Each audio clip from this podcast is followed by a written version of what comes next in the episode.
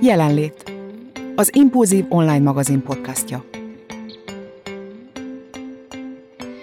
Szeretettel köszöntök mindenkit a Jelenlét podcast adásunkban, melyben a vendégem dr. Pickó Katalin, pszichiáter, coach, tréner, a Szeretetkert és a Szeretetkertben önmagunk a sikeres könyvek szerzője. A jelenlétben azt fogjuk megfejteni a szakértőnkkel, hogy a külső körülmények között milyen belső erőforrásaink, megküzdési lehetőségeink vannak saját magunk számára, és arra a kérdésre is választ fogunk kapni, hogy hogyan tudjuk magunkat jól szeretni. A podcastünk működését ismét a Podcast Pioneers, a Vodafone sokszínű tartalmakat népszerűsítő programja támogatta, ezúton is köszönjük nekik. Hát szia Kati, üdvözöllek itt a jelenlétben. Szerbusz, szia, én is üdvözöllek, és köszönöm szépen a meghívást. Én köszönöm, hogy elvállaltad a beszélgetésünket, és hát egy nagyon érdekes témánk lesz az önszeretet, és hogy annyiszor halljuk ezt, hogy szeresd önmagad, fogadd el önmagad, de valljuk be, azért ez nem olyan egyszerű.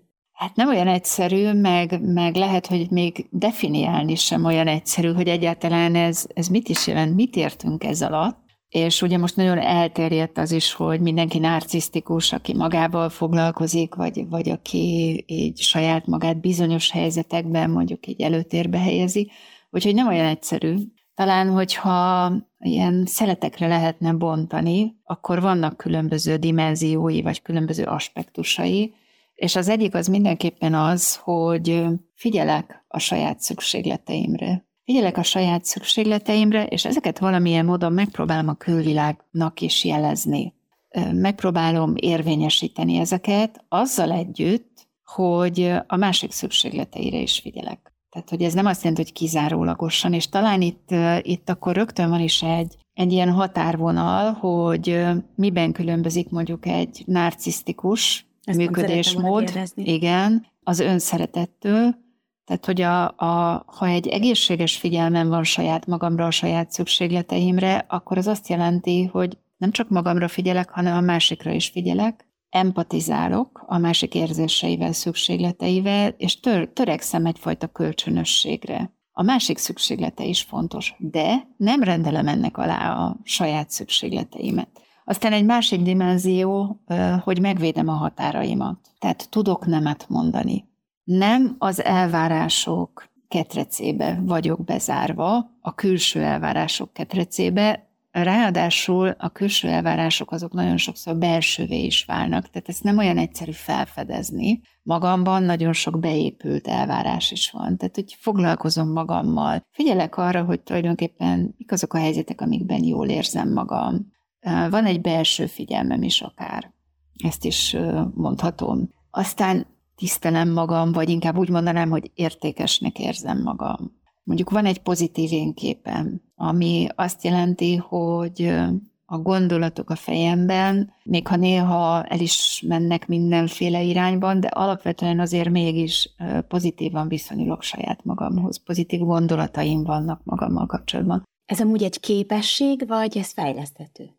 Erről majd szívesen beszélek, hogy fejleszthető, de attól függ, hogy mit értünk a képesség alatt, tehát hogy ez ilyen nagyon korán kialakul. Általában, mint a szivacs magunkba szívjuk azt, hogy akik korán körbevettek bennünket, akár csecsemőként, édesanyánk, édesapánk, vagy éppen az a nevelő, aki ott volt, ő hogy viszonyult hozzánk. Mert ezt a fajta viszonyulást óhatatlanul átvesszük, és később mi magunk is úgy fogunk viszonyulni saját magunkhoz. Sőt, azt gondolom, hogy egy ilyen kettős dolog épül be, azt is átvesszük, hogy ez az illető saját magához hogy viszonyul, és azt is átvesszük, hogy hozzánk hogy viszonyult. Az egyik egy közvetlen hatás, a másik egy közvetett hatás, de, de mind a kettőt magunkba építjük. És azért jó, hogy ez felmerül, mert kérdezted, hogy ez fejleszthető-e, és szerintem ez egy nagyon fontos kérdés, hogyha valakinek így a korai ellátásban mondjuk nem alapvetően az ő szükségletei szerint történt, és nem feltétlen vették mindig figyelembe azt, hogy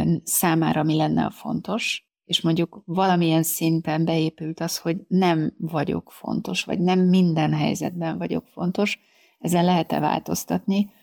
És mivel ez egy tanult dolog, én személy szerint abban hiszek, hogy minden tanult dolog újra tanulható. Igen, lehet változtatni, de azért azt tudnunk kell, hogy ha ez nagyon szélsőséges, akkor, akkor azért nem egyszerű, és egy hosszú folyamat, de minden további kapcsolódásunk az, az egy gyógyító kapcsolódás lehet, minél inkább egy szeretetteli, egy elfogadással teli kapcsolat, annál inkább tudunk benne gyógyulni.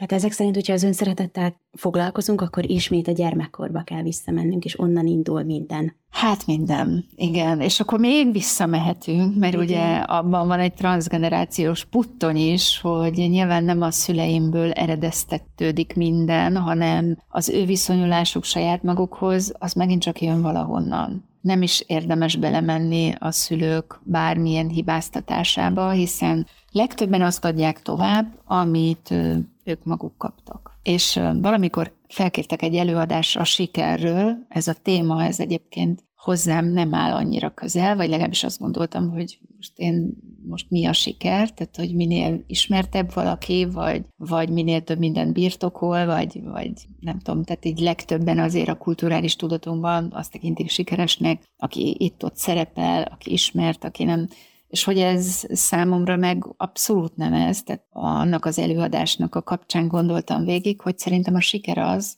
hogyha át tudjuk alakítani azt, amit mi magunk kaptunk, és amitől egyébként nagyon sokszor szenvedünk. Tehát, hogyha nem egy láthatatlan postásként továbbítom pontosan ugyanazt, hanem képes vagyok transformációt elérni, nyomot tudok hagyni, és más nyomot tudok hagyni, mint amit én magam megkaptam.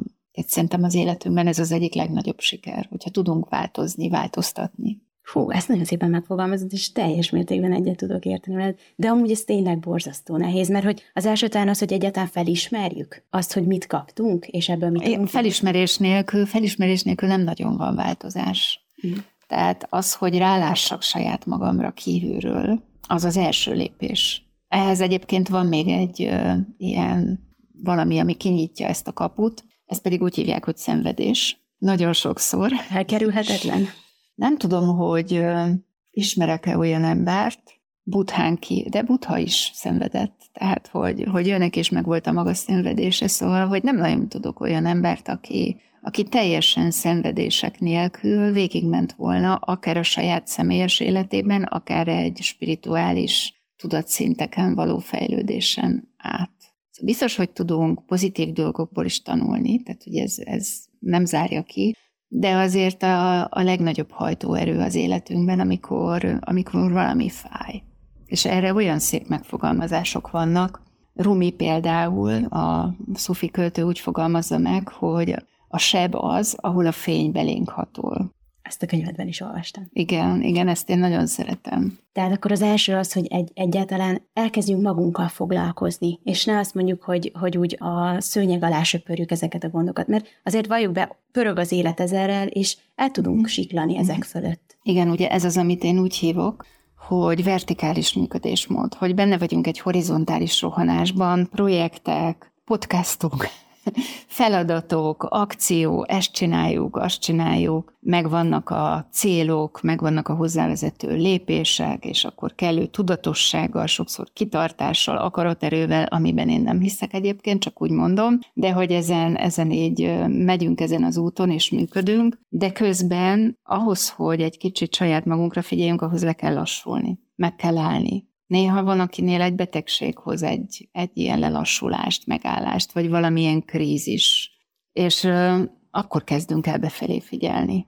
És egyébként ebben nagyon sokat tudunk segíteni egymásnak. Tehát én például párkapcsolatokban nagyon sokszor látom azt, hogy az egyik elindul egy önfejlesztő úton, és húz valamiért egy picit többször tapasztalom meg, hogy a nők, nők egy kicsit, mint hogyha mm, ezt majdnem ki is húzták az egyik könyvemből, hogy ez egy, nem tudom, milyen, nem, nem nagy tetszést fog aratni ez a mondás, de hogy én akkor is azt tapasztalom, hogy az önfejlesztés útján gyakrabban indulnak el nők. Ha csak megnézzük az arányokat, 80-90 százalékban nők találhatók a különböző önismerettel, önreflexióval, önfejlesztéssel foglalkozó dolgokon. Még, még talán azt is mondhatom, hogy ilyen spirituális oldalakon is. Viszont azt nagyon sokszor látom, hogy valaki elindul, és egyszer csak bele tudja csempészni a másik életében is ezt a vertikális utazást és a belső figyelmet. Most volt egy táborunk Bakonybélben, ahol volt nyolc pár, nagyon nagy élmény volt, most csináltunk először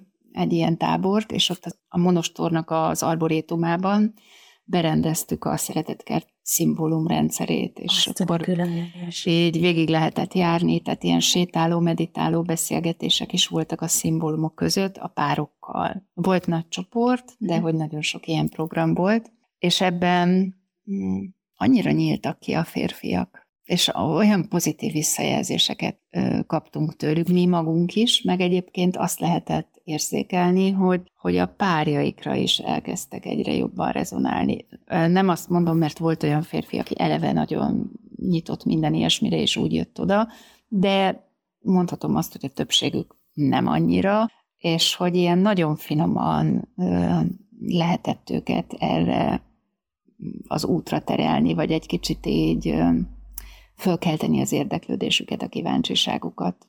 Pedig az érdekes az, hogy volt olyan pár is, ahol a, a feleség, ő pszichológus, meg párokkal is foglalkozik, és valamiért ezt egy külső szemszögből jobban elfogadta a társa, könnyebben lehetett megnyitni, mint hogyha ő maga kezdte volna el. De érdekes. De hogyha érezzük azt, hogy mondjuk úgy valami nem stimmel, tehát hogy el kell kezdenünk dolgozni saját magunkon, nem menekülhetünk ezelől, akkor elindulhatunk ezen az úton egyedül is, vagy jobb, ha szakember segítségét kérjük. Attól függ, hogy mennyire fáj, mondhatom így, milyen tüneteink vannak. Ezek a tünetek mennyire súlyosak, mondjuk a napi életvitelben mennyire akadályoznak bennünket. Tehát, hogyha azért, vagy mennyire szakadunk el a realitástól, amit egyébként, ha benne van az ember, nehezen mér fel. Amikor nincs kellő információm, hogy döntsek, akkor én mindenkinek azt javaslom, hogy menjen el és kérdezze meg. Tehát legalább egy alkalommal, hogy vajon mit gondol erről egy segítő szakember. Szóval, hogy lehet tanácsot kérni. Valahogy még mindig azért nehezebben fordulnak, és főleg a férfiak nehezebben fordulnak pszichiáterhez, pszichológushoz. Most ma éppen volt nálam valaki, aki orvosként dolgozik, és az egyik kollégájának említette, hogy pszichiáterhez megy és teljesen elképet, hogy úristen, mi bajod? Nincs semmi különös baja. Tehát, hogy sokkal inkább ilyen életvezetési szempontok miatt, meg önismeret miatt jár hozzám. De hogy, hogy még így orvosok között is, mondjuk így rögtön jön ez a bélyek, hogy akkor biztos nagyon komoly problémád van. Én csak azt tudom elmondani például a saját tapasztalatomat, hogy nagyon régen, tehát így 90-es évek elején, amikor én pszichoterápiát tanultam, nekem a legnagyobb élmény volt a saját élményem. Ugye egy, egy saját terápiában benne lenni, ahol olyan figyelmet kapok, ami nem jellemző, hogy az életben más területen hozzájut az ember, esetleg így a szerelem elején. De aztán az, az egy picit lankad, ez a másikra való figyelem.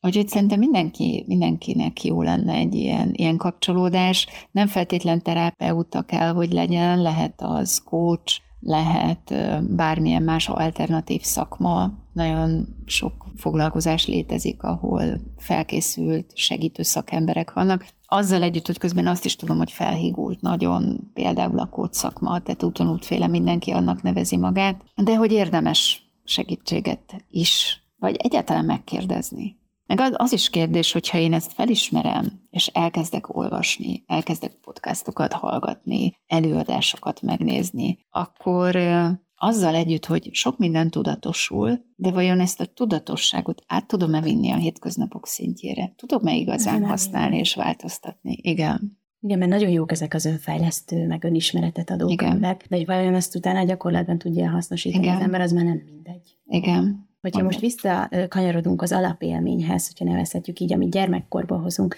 akkor felmerült bennem az a kérdés, hogy szülőként hogyan tudjuk a gyermekünket úgy szeretni, ahogy az az ő szükségleteinek megfelelő. Hát van egy jó hírem az anyukáknak, hogy a szülés és a szülést követő időszak az egy tudatmódosult állapot. Egy olyan módosult tudatállapot, amit úgy is hívnak a pszichoanalitikusok, hogy elsődleges anyai odafordulás. Tehát, hogy olyan szinten érzékenyé válik minden nő, ahogy születik egy gyereke és anyává válik, és megjelenik a, ez a nagyon erős kötődés, és, és ez a szimbiózis, ez a szimbiotikus kapcsolódás, hogy megérezzük a, a gyermekeinknek a szükségletét. És pontosan érzi azt az anyuka, hogy ha most sír, akkor miért sír. Hogy ez, ez jön, zsigerileg jön.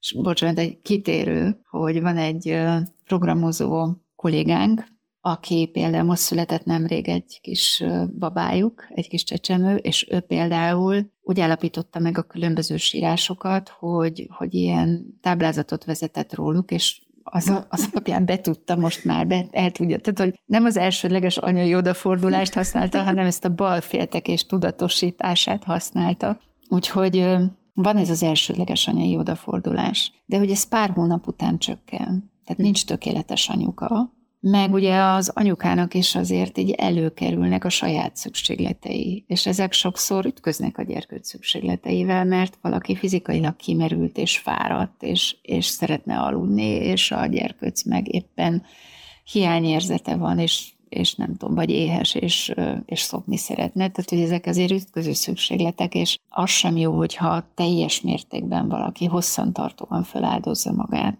Uh-huh. Meg ugye vissza kell találni valahogy az anyasságból egy kicsit a nőiségben is. Szóval nincs tökéletes anyuka, óhatatlanul a gyerkőc megéli azt, hogy vannak olyan apró stressz helyzetek, amikor feszültség keletkezik benne. Ami nem is baj, mert hogy ez egy fontos dolog, hogy megtanulja kezelni a feszültségét. De nem mindegy, hogy ez milyen mértékű. Tehát nem mindegy, hogy ez arról szól, hogy valaki sír-sír, kitolják a konyába, becsukják az ajtót, hogy ne is hallják, és magára marad, vagy pedig éppen van benne egy késleltetés, és nem tudom, 5-10 perccel később történik valami vele. Szóval, hogy hogyan lehet jól szeretni, én azt mondom, hogy a belső hangunkra hallgatni, a megérzéseinkre hallgatni, hogy ne Spock könyvet vagy, vagy bármit olvassanak az anyukák, hanem figyeljünk arra, hogy mi az, ami, ami zsigerileg belülről jön, és amennyire lehet próbáljuk meg a gyermeknek a szükségleteit kitalálni, figyelembe venni, azt szerint ellátni, és igen, ez néha azért jár önfeláldozással, tehát nem mondom, hogy csak, csak a mértéke az, az nem mindegy. És az viszont nem működik, hogy százszázalékosan, tökéletesen csak az legyen, csak az ő szükséglete legyen, tehát hogy ebben nyilván lesznek hullámzások. Ami kétféle negatív élménye lehet egy csecsemőnek, most nagyon leegyszerűsítve, tehát végtelenül leegyszerűsítve. Az egyik a hideg-rideg tartás, amire mondtam egy példát, tehát hogy egy szülő nem reagál arra, amikor a, a gyermek sír. Például az én generációm, tehát mi még abban nőttünk fel, hogy porosz nevelés, három óránként etetni, hiába jelez hamarabb, hogy éhes, vagy alszik, akkor föl kell kelteni, meg kell etetni, csak annyi tehet, e, amennyi előre van írva. Na most, hogyha ez van, akkor mit él meg egy kis csecsemő? Azt éli meg, hogy jelzek, és nincs ráhatásom a dolgokra. Kiszolgáltatott vagyok. Tehát valahol az ősbizalom az nagyon meginog, vagy nem jön létre. A másik, ami, ami a csecsemő számára így veszélyt jelenthet, az pedig ez a nagyon elárasztó édesanyja, aki meg nagyon ráteszi a, az érzéseit, ráteszi saját magát.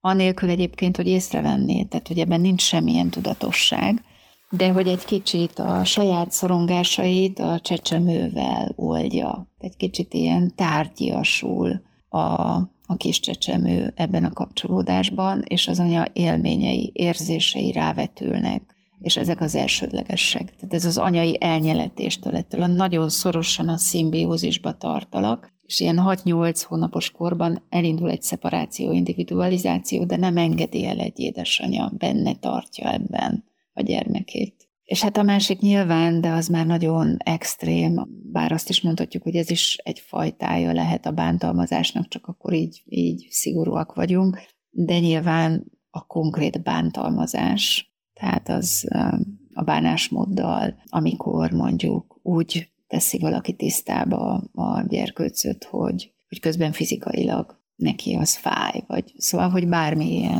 ilyen hát inkább azt mondanám, hogy ezeket jó elkerülni. Aztán az kérdés, hogy mennyire lehet ezeket tudatosan elkerülni, hiszen ezek mind-mind tudat, a tudattalanunkból jönnek. Talán ez a hideg-rideg tartás, ezzel szerintem most már van egy nagy átalakulás azért így a kultúrában, a szocializációban, tehát hogy ez változott. Ez a nagyon szorongó anyuka, aki a saját gyermekét így a szorongás csökkentésre használja, ez tényleg egy tudattalan dolog.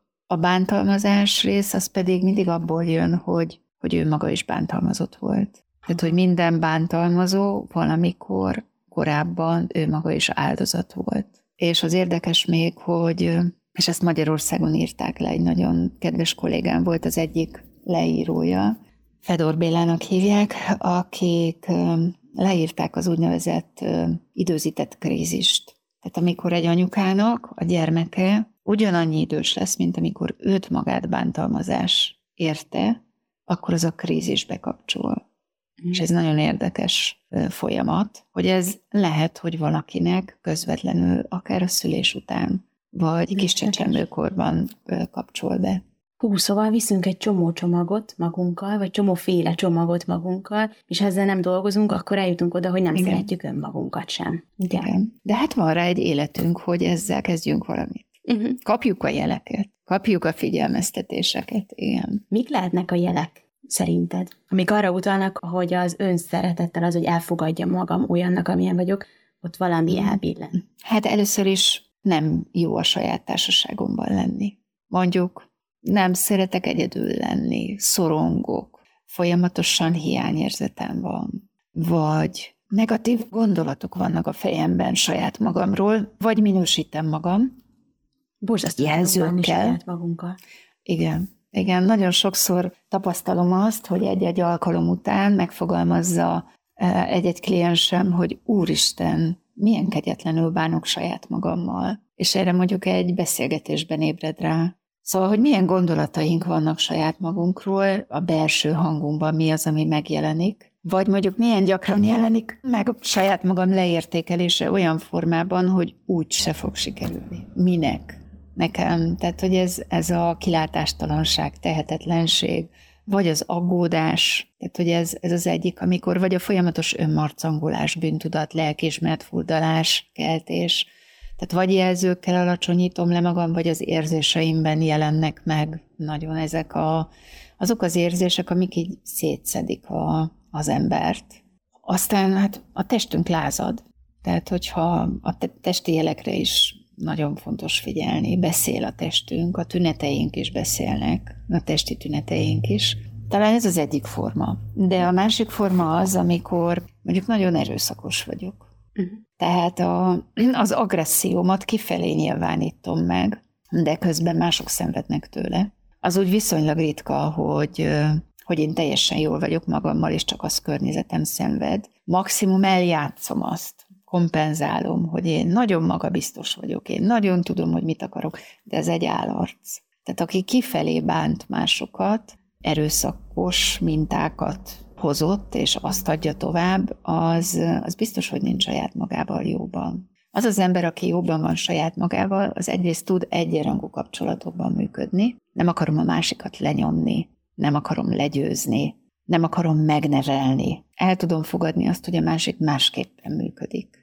Úgyhogy mi a viszonyom magamhoz, mi a viszonyom másokhoz, ez egy nagyon jó mércéje annak, hogy vajon hogy is vagyok legbelül saját magammal.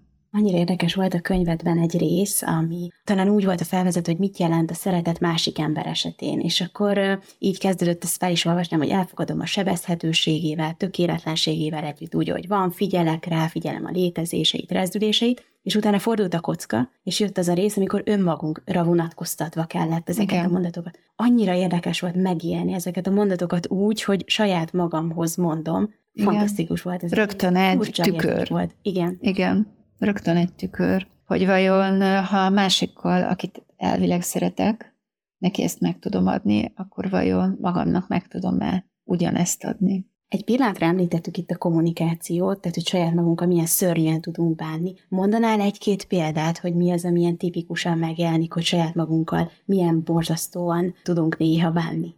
Hát például nagyon sokszor megjelenik egy kritikus hang, a kritikus hang az megnyilvánulhat olyasmiben, hogy ide nem megyek el, mert úgyse fogom jól érezni magam, mert most éppen nem tudom, nem aludtam ki magam, és nem tudom, árnyékolt a szemem, vagy ezt azért mondom, mert nemrég volt nálam valaki, akinek így nagyon előtérbe került a külső megjelenés.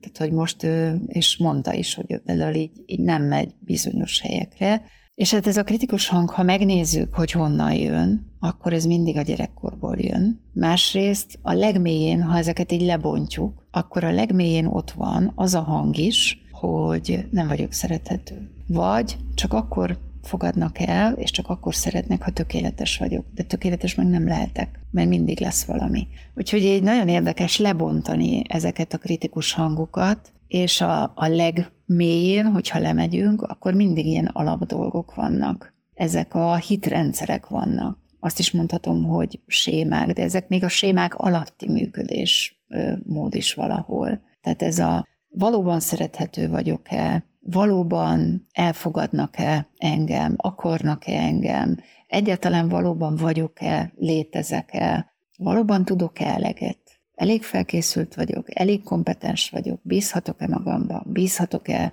ez most nagyon érdekes, most éppen azokat a sémákat mondtam el, van egy amerikai modell, Process Communication modellnek hívják, és egy Taibi Káler nevű amerikai pszichiáter dolgozta ki, pszichológus dolgozta ki, aki csoportterápiás megfigyelésekből hozta ezt, és azt látta, hogy bizonyos ügyek újra meg újra előkerülnek az emberek életében. De mindenkinek más ügy van előtérben. És akkor hat ilyen ügyet állapított meg, ami így, így vissza-vissza tér, bizonyos embereknél inkább mondjuk a szerethetőség, másoknál a tökéletességre való törekvés, és egy nagyon érdekes rendszert hozott létre.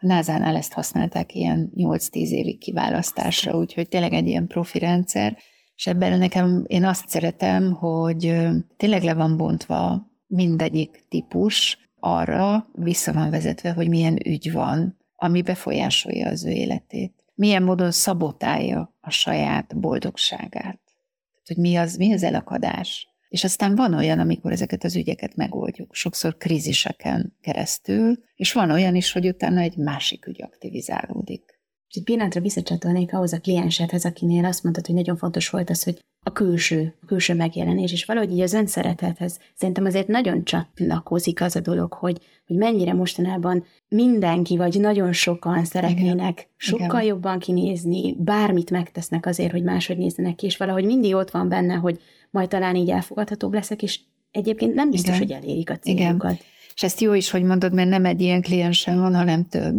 akinél ez, ez nagy mértékben elő van, és azt is gondolom, hogy ez egy kicsit kor kérdése is. Tehát, hogy azért ilyen 20 éves, 30 éves, de akár 40 éves korban is ez azért jóval előrébb van, mint mondjuk így 60 éves korban. Tehát, hogy ott, ott valahogy azért ennek a, a nagyon előtérbe helyeződése azért az úgy csökken.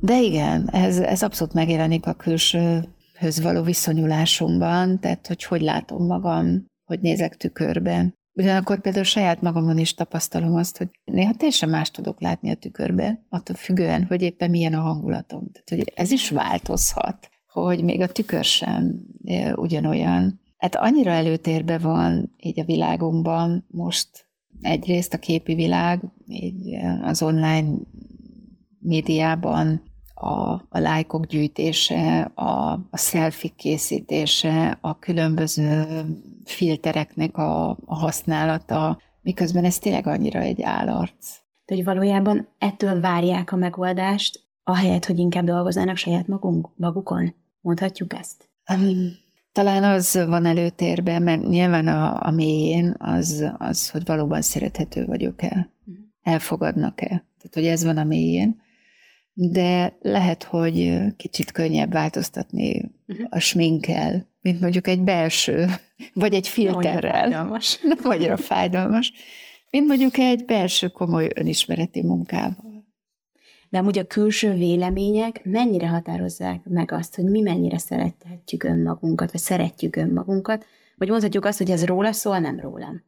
Tehát talán onnan indulnék ki, hogy szoktam egy olyan játékot játszani néha, még múltkor színházban is, a Szeretetkert színházban is volt egy ilyen játékunk, és ott 200 valahány emberrel is eljátszottam, hogy kaptak egy kavicsot. És mit látsz a kavicson? Milyen ez a kavics?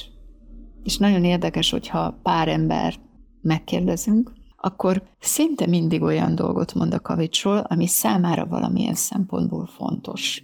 Tehát a kavics az egy darab objektív valóság. Ugye van egy ilyen teszt is, Rorschach tesznek hívják a pszichológusok, hogy egy festékpacnit mutatnak. A festékpacniban nincs információ.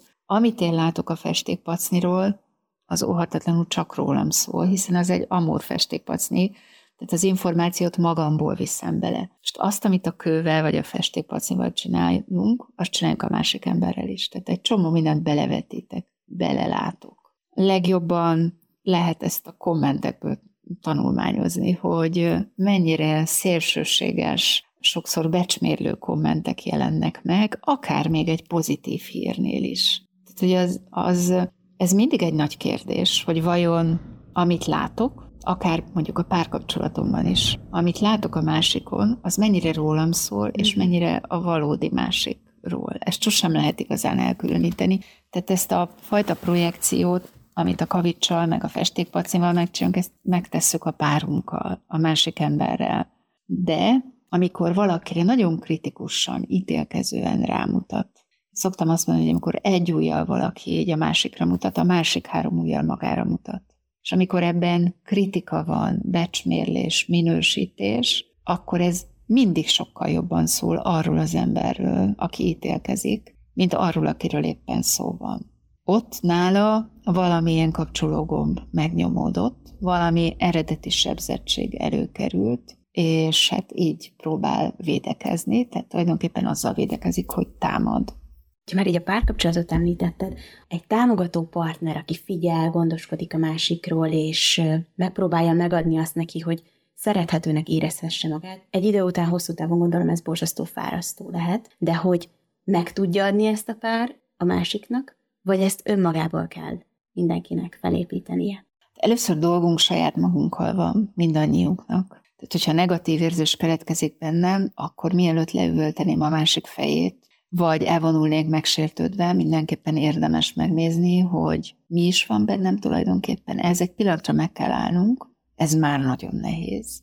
Megállítani egy ilyen konfliktus spirálban magunkat, és egy picit hátrébb lépni, és azt megnézni, hogy mi is van bennem. Tehát, hogy ez, ez a negatív érzéseinkkel dolgunk van. Viszont amit te kérdeztél, az, azt kérdezted, hogy ha maximálisan figyelek a másikra, és megpróbálom a szükségleteit figyelembe venni, és hogy ez fárasztó lehet. Ez akkor fárasztó, hogyha ez nem kölcsönös. Uh-huh. Tehát, hogyha én közben én töltöm a másiknak a szeretett tankját, de az én tankom is töltve van, akkor ez nem fárasztó, ebben akkor együtt tudunk emelkedni. Most egyébként nagyon várom, hogy lesz egy a Momkultban szeptember 16-án egy napunk, egy szeretetkert nap, és amire nagyon kíváncsi vagyok, sajnos eljönni nem tudnak, de előtte lesz egy beszélgetés, amit rögzítünk Szabóti Annával és Dragomán Györgyel, és a egy-egy beszélgetés, amiben így hallgattam őket, nagyon megérintő volt, mert valahogy tényleg olyan, mint hogyha ők így ezt így kölcsönösen tudnának, hogy töltik egymást, hogy elmondják, hogy jobban érdekel, hogy a másik mit ért, mint a saját írásom. Hogy hogy lehet eddig eljutni, és hogy lehet ezt megtartani egy kapcsolatban. Úgyhogy az is az egyik alcíme a programnak, hogy hogyan legyünk égbolt, és ne kalitka. De ebben a kérdésben nekem még az is benne volt, hogy ha tegyük fel, azt látjuk a párunkon, hogy ő képtelen elfogadni önmagát, mi megpróbálunk mindent megadni neki, hogy, uh-huh, hogy ez értem. ne így legyen, uh-huh. akkor tudunk ezen változtatni? Tehát ebbe gondoltam, hogy ebbe fárad bele az ember egy idő után, uh-huh. hogy uh-huh. elhiteti, próbálja úgy szeretni, hogy elhiggye magáról, hogy szerethető, de de lehet, hogy ez, ez nem célra vezető? Itt erre gondoltam inkább. Na hát ez szerintem nagyon érdekes kérdés. Tehát úgy biztos nem jó belemenni egy kapcsolatba, hogy majd én megváltoztatom. És uh, akkor még egy csapda, amit uh, Bánki György úgy fogalmazott meg, hogy ne fabrikáljunk otthon narcisztikus partnert, ne próbáljuk meg így gyógyítgatni. De ugye ebben benne van az is, hogy a narcisztikus bántásnál nagyon sokszor valaki azért rendelődik alá, mert látja a narcisztikus bántásban a síró belső gyermeket.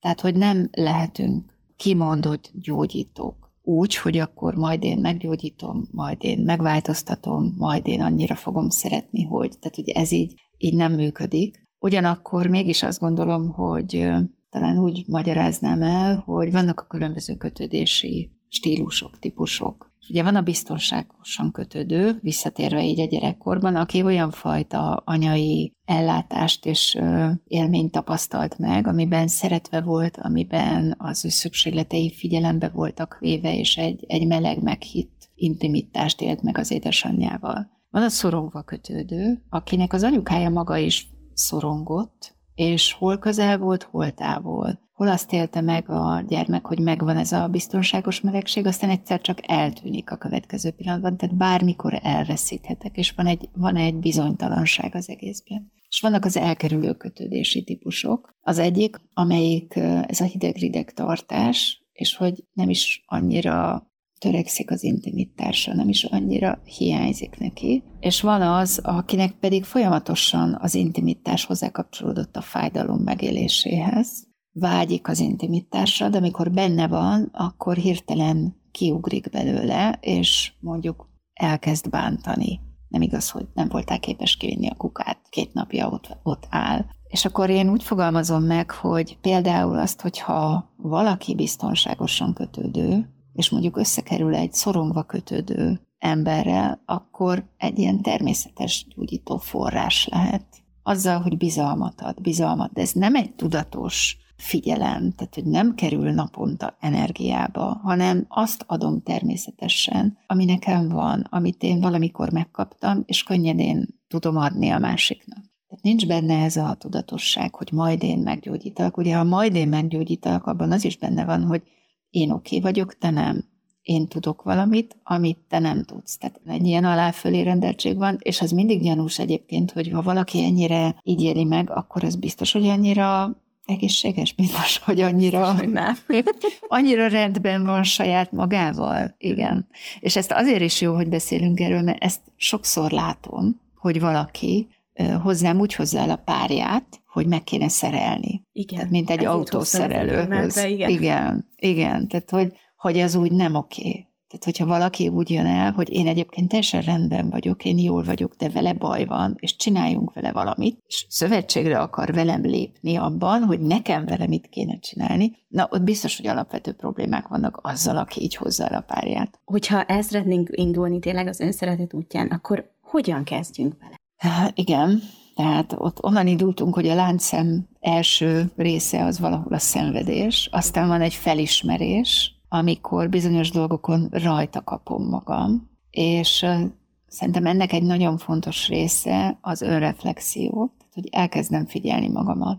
Elkezdem figyelni, az önreflexió azt jelenti, hogy figyelem azt, hogy milyen érzések vannak bennem hogy reagál a testem, figyelek a testérzéseimre. Elkezdem figyelni a saját gondolataimat. Esetleg rájövök, hogy mondjuk bizonyos gondolati minták nagyon gyakran fordulnak elő a fejemben. Például csak azt érzem, hogy feszül a testem. Feszül a testem, és szorongok. De mitől szorongok? Hogy elhagytam a jelen pillanatot, és előre mentem a jövőbe, és van egy ilyen fantáziám, hogy úristen, mi lesz akkor, ha Néha ez egy folyamat, amíg az ember ezt így saját magán felfedezi, felismeri. Egyik kedvenc mondatom a könyvedben, hogy vagy gondolkodunk, vagy figyelünk. Egyszerre Igen. nem megy. Annyira uh-huh. imádtam ezt a mondatot, és, és azóta így próbálok figyelni, hogy akkor most figyeljünk a környezetünkre. Tehát egyből így vissza, visszajön az ember a jelenbe. Igen. Zseniális. Igen. Nagyon, nagyon igen, igen. Bocsánat, hogy megszakítottalak. E, igen, és ak- hát pont ez a következő, hogy és akkor elkezdek valahol eszközöket, lehetőségeket gyűjteni arra, hogy, hogy akkor hogy tudnék ezzel valamit kezdeni, hogy mondjuk ne állandóan ilyen negatív gondolat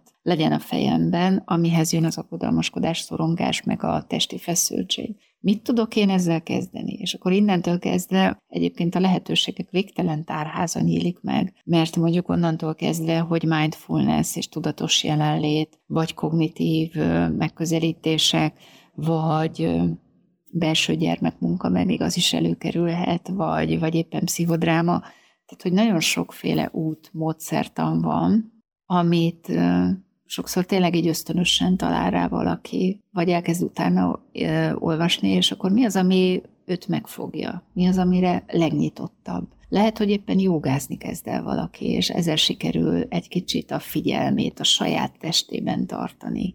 Én szoktam javasolni könyveket, olvasmányokat, tehát így ö, valamikor nekem is van egy ilyen enyhébb figyelemzavaró, ADHD, ami tök érdekes, mert egyébként, ha valakivel beszélgetek, akkor egy ilyen hiperfókuszált figyelemben vagyok. Én azt érzékelem, hogy annyira tű pontosan figyelsz rá, szóval nem is gondoltam volna, hogy igen, de nem ezt érzékelnéd, hogyha egy használati utasítást kellene elolvasnunk közösen. Értem. Vagy egy szerződést megfogalmazni, tehát hogy az teljesen más. Tehát ugye ami érdekel, tehát ez is a része a figyelemzavarnak, akkor arra nagyon tudok figyelni, de ami nem érdekel, az, az, az meg egyszerűen az így kizáródik a, a világból. És például azt sokszor látom, hogy amikor jön valaki ilyen jelenlét problémával, hiperaktivitással, szétszórtsággal, figyelemzavarral, hogy mondjuk Máté Gábornak a Szétszórt elmék című könyve az szinte gyógyító hatású tud lenni.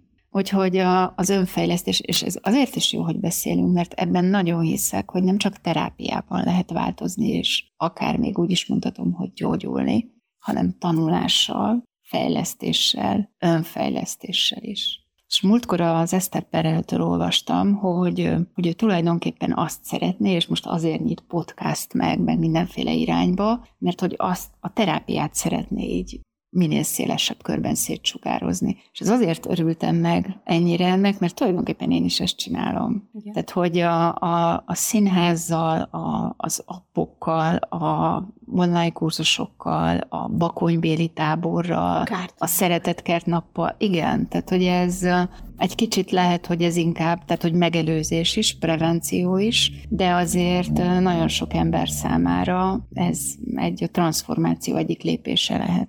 Tehát akkor elmondhatjuk, hogy ahhoz, hogy önmagunkkal jóban legyünk, ahhoz befelé kell elindulnunk, és nem feltétlen kívülről kell átalakítani magunkat, és kívülről kell várni a csodát.